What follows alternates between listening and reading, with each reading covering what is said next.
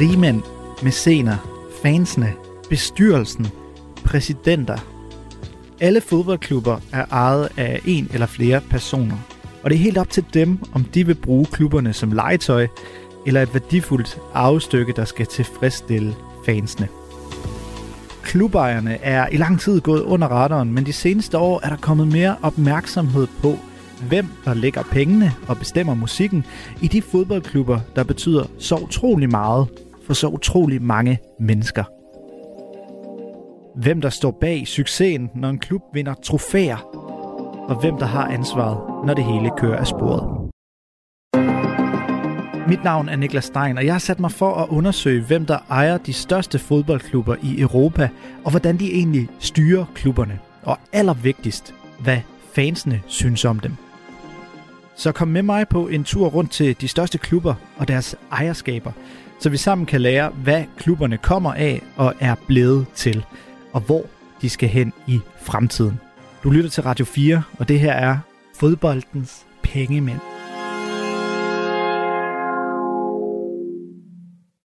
I dag skal vi ombord i en dansk klub.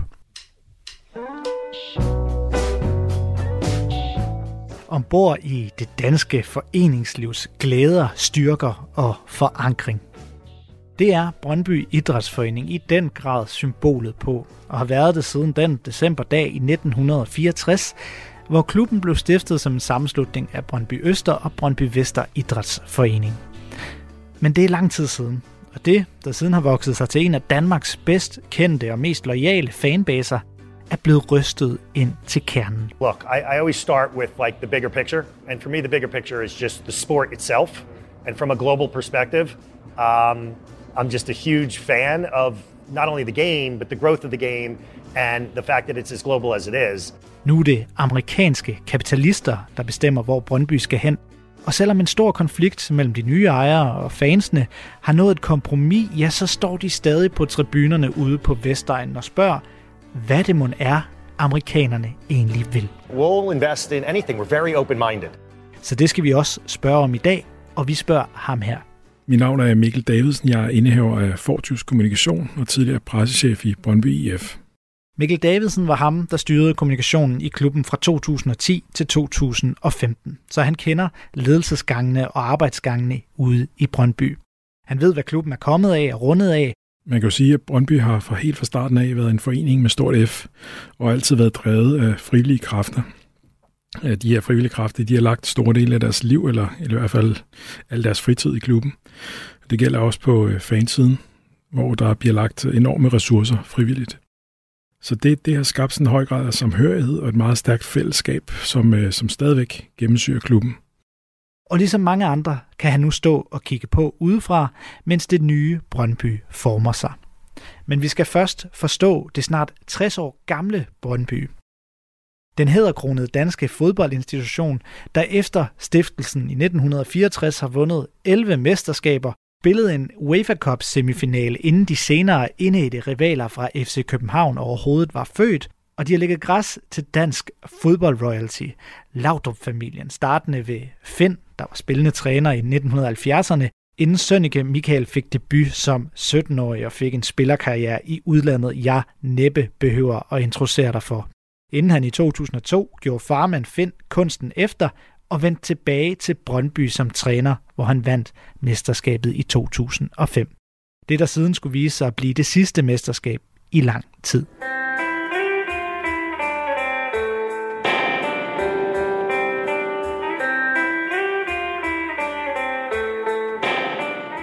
For Brøndby måtte igennem flere magre år, og udskiftningen på ledelsesgangene talte sit tydelige sprog om en tumultarisk tid.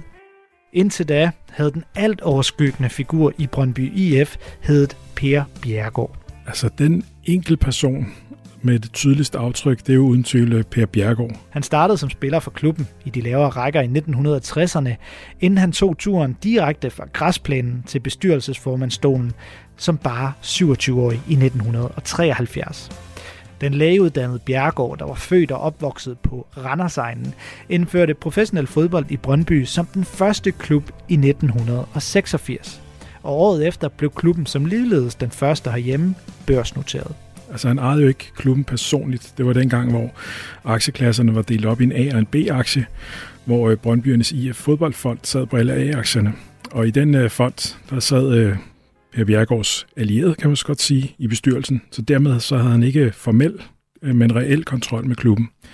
Så han er helt klart øh, den med det tydeligste og klareste aftryk gennem historien. Og så særligt i 70'erne, 80'erne og 90'erne, i de tre årtier, der synes jeg, han altså uden sidestykke var den mest innovative øh, klubperson i Danmark. Der var udefra set styr på tingene i Brøndby. Klubben voksede sig til Danmarks største fodboldklub, og i 2006 kunne de sågar tiltrække René Møllensten fra kæmpeklubben Manchester United, hvor han var ansvarlig for reserveholdet. If I can remember well, we should have actually gone on top. We should have scored because we started the game really, really well. But that was Barcelona and, and, and Pep's Barcelona. Han tog over efter Michael Laudrup som træner, men hollandske Møllenstens tid i Brøndby endte langt fra lykkeligt. Og efter et halvt år var han allerede tilbage i Manchester United, hvor han blev Sir Alex Fergusons højre hånd. Men forud var gået en kaotisk tid, og Møllensten tog afsted fra Danmark med en afskedssalut, hvor i han kaldte Brøndby for en syg patient. Efterfølgende trådte Per Bjergård, der i mellemtiden var blevet administrerende direktør, ned for igen at koncentrere sig om posten som bestyrelsesformand. Så indgik Brøndby i en knudret overdragelsesproces, hvor landsholdslegenden og tidligere Brøndby-spiller Peter Smeichel vil købe klubben. Det ville han som en del af en større ejerkreds, men bestyrelsen valgte ikke at godkende Smeichels køb, så det endte med, at Michael ikke blev en del af ejerkredsen, men det gjorde andre af hans medinvestorer senere, såsom Aldo Petersen, som tidligere havde en andel af FC København, men så også medstifteren af nethandelsvirksomheden Boost, Herman Haraldsson, kom ind i klubben og blev direktør efter Per Bjergård. Det skete i 2008, der i det hele taget blev et skældsættende år for Brøndby. Casey Group, der er mest kendt for at forhandle Pandora-smykker, tog over som storsponsor efter Kodan Forsikring, der havde været på maven i Brøndby så mange år, at de nærmest var blevet synonym med klubbens mest succesrige tider. Det startede fredeligt, og Casey Group sørgede for, at de gule trøjer fik UNICEF på maven, men i 2009 gik det igen galt, da Casey-stifter Jesper Nielsen kom i konflikt med Per Bjergård og Brøndby-ledelsen – og efter en mudret møjsag af en proces, ja, så trak Casey Jesper, som han siden blev kendt, sig fra Brøndby før tid. Få år senere er Per Bjergård også fortid i klubben. Formanden trækker sig fuldstændig fra bestyrelsen i 2012, og 39 år lang og ikonisk Brøndby-historie bliver til et kapitel. Hvordan vil du karakterisere hans eftermæle i dag blandt øh, fansene? Jamen, jeg tror i virkeligheden, eftermælet er landet et meget godt sted. Altså, jeg tror, at øh, alt det gode, som han bevisligt har, har, har gjort for, for klubben, øh, det overskygger de mindre gode år, der kom i, i, øh, i det nye årtusinde. Grundlæggende, sådan helt ordentligt set, tror jeg egentlig, at hans eftermæle er, er godt. Sideløbende halter det gevaldigt for Brøndby i Superligaen, og lavpunktet rammer i foråret 2013, hvor Brøndby på sidste spilledag er tæt på at rykke ned i første division. Men en sidste minuts redningsaktion i Horsens, der siden er gået over i Superliga-historien, ender med, at Brøndby redder sig med skinnet på næsen. Også uden for banen bliver der gennemført redningsaktioner i form af aktieemissioner, og her skal vi så introducere en ny og markant person i Brøndbys historie. Shipping-rigmanden Jan Bæk Andersen, der er livslang Brøndby-fan, træder ind i klubben med en millioninvestering i 2013. Året efter bliver han bestyrelsesformand, og fra den post bliver han centrum for endnu en af de mørkere dage i Brøndby. En tilsyneladende undselig profil med brugernavnet Oscar skriver en forårsdag i 2016 en række kritiske indlæg, hvor vedkommende blandt andet langer ud efter sportsdirektør Per Rud og Brøndbys træner Thomas Frank. Det viser sig, at manden bag ordene er Jan Bæk Andersen. Sagen bliver kæmpestor i de danske medier. Den når endda til udlandet, og det hele ender med, at Thomas Frank siger op. Sagen får navnet Oscar Gate, og Brøndby har igen skrevet Superliga-historie med et for klubben negativt udgangspunkt.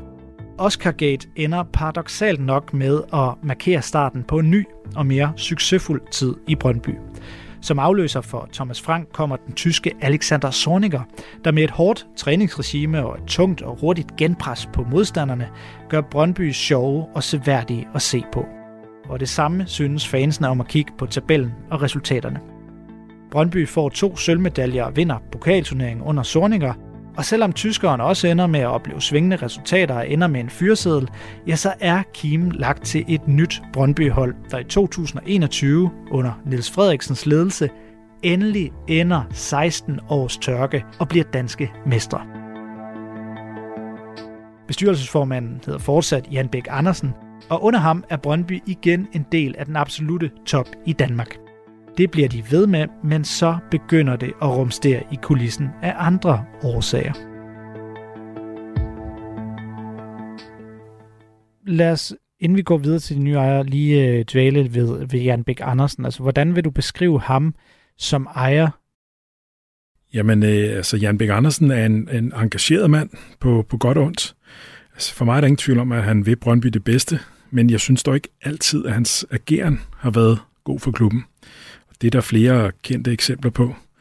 Altså, men, men jeg tror egentlig, det hele bunder i, at han virkelig gerne vil have Brøndby tilbage som permanent tophold i Danmark og kunne aflevere klubben videre til en ny ejer og så sige til omverdenen, se hvad jeg opnået.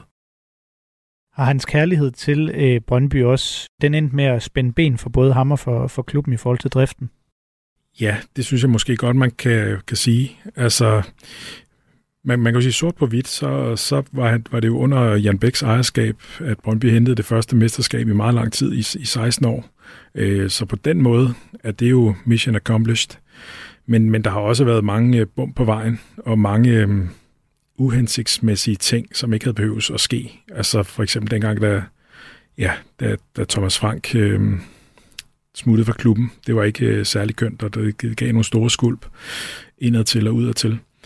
Så, så sådan overordnet set, så kan man sige, ja, der er kommet et mesterskab, men og er Brøndby mere kompetitiv øh, i dag?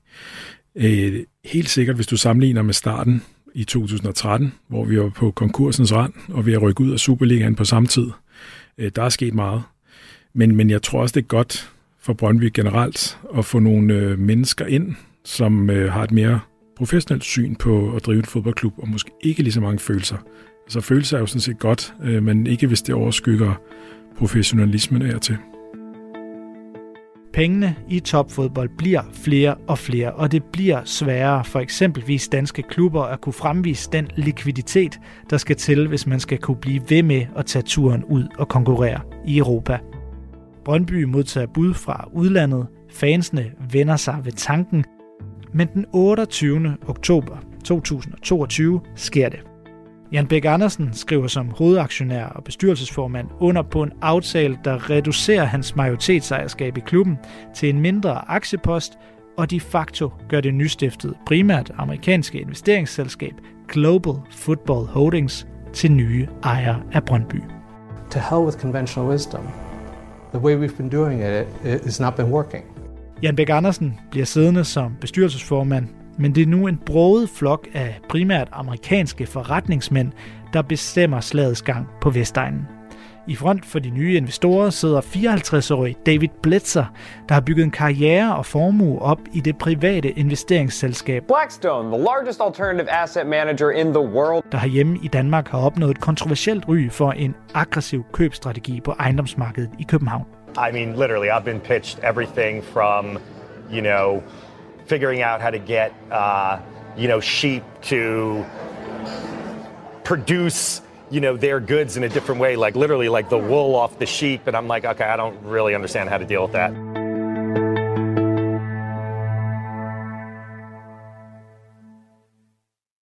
Hvor meget ved du egentlig om de her nye Brøndby-ejere? Jamen, jeg ved ikke specielt meget om de nye ejere, for jeg synes ikke, det er så meget, de har kommunikeret ud om deres overtagelse af Brøndby. Jeg har selvfølgelig kunne researche mig lidt frem til, hvem de forskellige investorer i GFH, altså Global Football Holdings, er. Men ellers har det været småt med informationer om, hvad de egentlig vil med klubben. Øh, så egentlig synes jeg, at det mest interessante i virkeligheden nok er det netværk af rådgivere, som, som de bruger i deres forskellige klubber.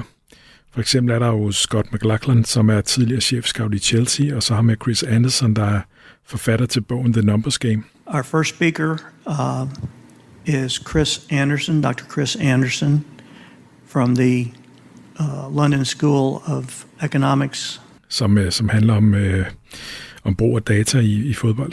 It's, it's like having a scout at every game. And not just having a scout at every game, because we're collecting data on everything that the player is doing on the field. It's like having a scout for every player in every game, because everything they do is recorded. Chris Anderson er i sig selv en ret interessant historie, og hans historie er måske blandt de nye Brøndby-folk den mest tydelige indikation på, hvad det er, de vil. Amerikanske Anderson var egentlig professor i statskundskab på et anerkendt universitet i USA, men han blev inspireret af Moneyball-historien, der også har taget europæisk fodbold med storm og gjort, at alle fodboldklubber med respekt for sig selv skal have en dataafdeling. What? Welcome to Oakland. I need more money. We're not New York. Find players with the money that we do have. I like Perez. Det er fortællingen om, hvordan den tidligere baseballspiller Billy Bean som manager lykkedes med at gøre en mindre amerikansk baseballklub til en succes ved at basere hele organisationen på data. En historie, som blev til en bog af Michael Lewis, og senere en film med Brad Pitt i hovedrollen. There are rich teams, and there are poor teams. Then there's 50 feet of crap. And then there's us. I en anden bog, Expected Goals, fortæller New York Times-journalisten Rory Smith om Chris Andersons historie fra da han opdager velsignelserne ved data og hvad de må kan gøre ved fodbold i Europa. Han tager efterfølgende overlov fra sin professorstilling, og det gør han for at tage til London, hvor han vil finde nogle rigmænd, han kan overbevise om at købe en fodboldklub og gøre data til det alt overvejende fokuspunkt. I'm going to give you kind of a really, really short history of, of data in soccer. It's a simple story. Sådan ender Chris Anderson med at møde David Blitzer, der senere altså køber Brøndby og indsætter Chris Anderson i bestyrelsen. Dermed er det folk som Anderson og førnævnte Scott McLaughlin, der skal udstikke nogle af de sportslige retninger i Brøndby. De to her, de er jo med i det her såkaldte sportslige udvalg i Brøndby sammen med Carsten V. Jensen, øh, fodbolddirektøren, og Jan Bæk Andersen, bestyrelsesformand. Og så er der selvfølgelig David Blitzer, som du nævnte, der vel er frontfiguren i GFO, men som i Brøndby-regi har lavet andre om at stjæle rampelyset. Så for at svare på spørgsmålet, så ved jeg ikke specielt meget om dem, og særligt ikke om deres planer med Brøndby. Ja, for det er jo nemlig mit næste spørgsmål. Altså, hvad ved du så egentlig om, hvad de vil med Brøndby, hvis noget overhovedet? Ja, godt spørgsmål. Udover nogle sådan ret øh, klichéagtige udmeldinger på et pressemøde og i forskellige podcasts, så synes jeg ikke, at jeg har fået svar på, hvad deres plan egentlig er, og hvordan de vil føre den ud i livet. Er Brøndby for eksempel et passivt investeringsprojekt for dem, hvor de blot vil vente på den generelle værdiforøgelse i fodbold, for så at cashe ind om 7-10 år? Eller vil de kontinuerligt tilføre kapital nok, så Brøndby har en realistisk chance for at opnå mesterskab og europæisk fodbold? Eller er det noget tredje? Jeg synes stadig, at svaret blæser lidt i vinden. Fra, fra den skeptiske del af, af, af fanbasen, hvad er frygten for, hvad GFH vil bruge klubben til?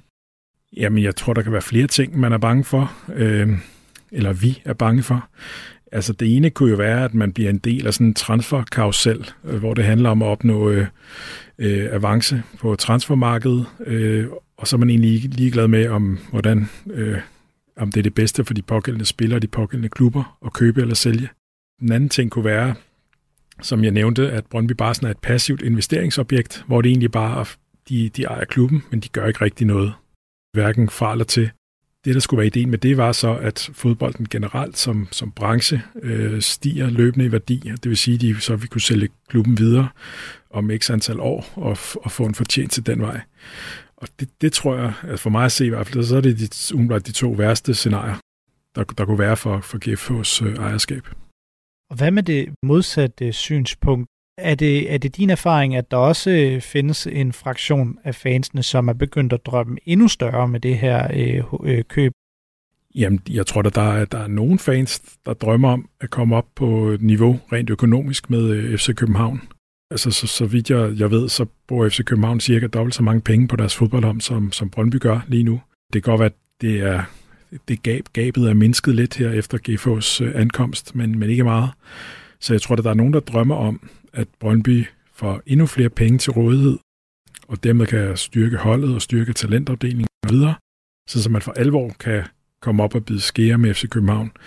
Øh, ikke bare i en enkelt sæson, men hver sæson. Også øh, om, om de flotte europæiske pladser og, og resultater, som, som de jo bevisligt har opnået i mange år. Blitzer har inden Brøndby købet større andele af en lang række sportsklubber og organisationer, lige fra NBA-holdet Philadelphia 76ers, NHL-holdet New Jersey Devils og til Premier League-klubben Crystal Palace. Ligesom Brøndby via købet på den ene eller anden måde er blevet beslægtet med klubber i Portugal, Spanien, Belgien, Holland, USA og Tyskland. Multi-club ownership is the hottest trend in global football. Dele af fanbasen i Brøndby protesterede. De havde længe talt dunder imod de flerklubs ejerskabskonstruktioner, som Brøndby nu de facto selv vil blive en del af. Og fansene vil have de nye ejere til at indgå en såkaldt værdiaftale. Det, at man gik i forhandlinger omkring at øh, indgå en værdiaftale, det, det bunder jo i, at fansene gerne ville have noget og hvad kan man sige, øh, holde klubben op på nogle faste holdepunkter, en eller anden form for enighed i forhold til, hvad er det Brøndby er, hvad er Brøndbys værdier, og hvordan skal fodboldklubben Brøndby drives. Det skulle vise sig at være en hård nød at knække, og først efter lange forhandlinger og en stemningsboykot på Brøndby Stadion, ja, så mødtes Brøndby-fansene og ejerne fra Global Football Holdings i et kompromis. Jamen altså det helt centrale i det her er, at den er blevet delt op i to, hvor den ene del af aftalen sådan set er juridisk bindende, det vil sige, løber, løber Brøndby fra noget af det, der står i den del af aftalen, så kan fanafdelingen sådan set trække, trække klubben i, i voldgiftsretten. Ikke at jeg tror, at det, det bliver aktuelt, øh, men, men, men det er det, der ligger i, at det er den, de juridisk bindende ting. The globalization is, you know, an incredible opportunity. Det her første år, hvordan ser du på det første år under det nye ejerskab? Altså er noget af kritikken forstummet, eller peger det i retning af, at, at fans og ejere måske alligevel godt kan finde hinanden i det lange løb? Det første år under GFH har været... Øh, der er sket mindre, der er sket færre ændringer, end jeg havde troet. Altså i virkeligheden, så har, så har GFH ikke forandret det store. De har bevaret ledelsen. Øh, de er ikke kommet med en ny strategi. Øh, jeg tror, der er mange, som frygtede de meget store, markante ændringer, men det er sådan set ikke sket. Altså personligt havde jeg håbet på et lidt større gearskifte, for eksempel med en ny strategi for de kommende fem år, med en klar retning, sportsligt og kommercielt. Men som sagt, så har man i stedet valgt at fortsætte med det nuværende setup og de nuværende strategiske rammer, blot tilsat lidt ekstra kapital. I forhold til kritikken, så fornemmer jeg, jeg fornemmer, at den er mindsket i styrke. Det kommer nok af, at fanafdelingen med held fik forhandlet den her værdiaftale på plads tidligere på året. Det er som om, den her aftale har taget brøden af kritikken, øh, i hvert fald for en del fans. For dem har det været nok til, at de igen er begyndt at støtte øh, fuldt ud op om klubben. Det, det sådan, sådan fornemmer jeg det. Men der er selvfølgelig stadig en større gruppe, som ikke accepterer GFO, som nok aldrig kommer til det. Derfor så tror jeg også, at vi årene frem vil se et, øh, et mindretal af fans, som, som vil lufte deres utilfredshed med, utilfredshed med GFO med de orange, den orange påklædning og anti-GFH-banner på stadion og, og så videre. Har man kunne se på banen, at øh, Brøndby har skiftet ejer? Jeg tror ikke umiddelbart, at præstationerne på banen afspejler ejerskabet i det her tilfælde, hverken positivt eller negativt. Man kan sige, der hvor man måske kan se et aftryk, det er, at Brøndby har fået flere penge til at købe spillere for, og jo også har købt nogle spillere, der er en helt del dyrere, end man, end man plejede at købe. Det har jo så haft effekt på den måde, at eksempelvis en, en Nikolaj Wallis er kommet ind og, og er jo en, en kæmpe profil, ikke kun i klubben, men i ligaen. Så på den måde kan du godt sige, at det øh, ejerskabet har haft effekt på, på banen øh, i kraft af, af flere transfermidler. Selvom man kan sige, eller måske fornemme, at, at noget af kritikken er forstummet, øh, blandt andet takket være fanafdelingens arbejde, er der så nogle af de bekymringer, der var for et år siden, som er gjort decideret til skamme? Oh, det er svært at sige, synes jeg. Vi er stadig meget tidligt øh, i, øh, i, i forløbet her. Der har jo været nogle, øh, nogle, nogle, nogle transfers, øh, som kritikerne har heddet fat i, øh, som værende kritisable og øh, på kant med den her værdiaftale. Altså, man købte en amerikansk højreback, for eksempel Justin Che, for så at udleje ham øh, kort tid efter til en, øh, til en klub i Holland. Og på samme måde har man lejet øh, Yusuf Salek, en ung angriber, ud til, øh, til en belgisk klub, Beveren. Så som, som, så, som også hører til, til GFO-familien øhm, øh, af klubber. Og det er jo sådan noget, som øh, kritikerne måske nok vil mene er en omgåelse af, af, af, af værdiaftalen i, i forhold til det her med, at, at det er virkelig noget, der, der er til Brøndbys bedste, det her? Eller er der andre dagsordner på spil?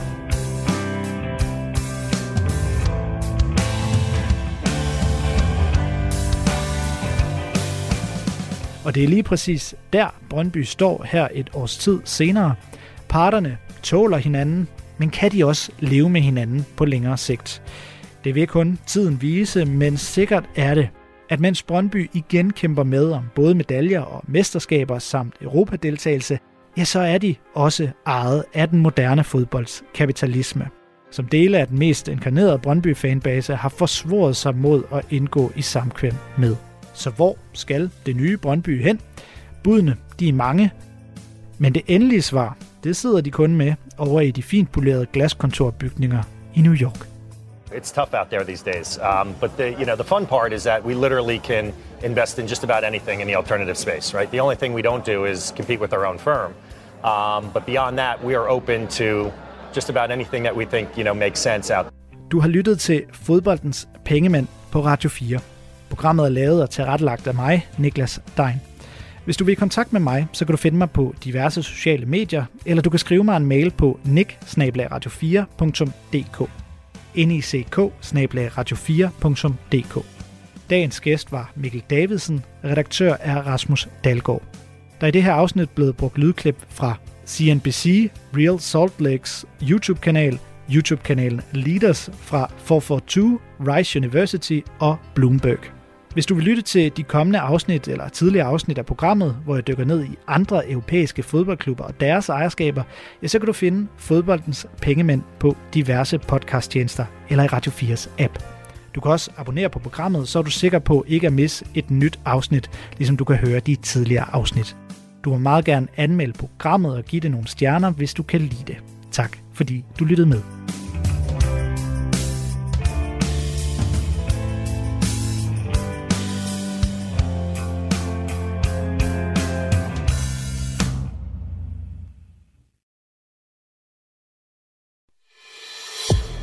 Har lyttet til en podcast fra Radio 4.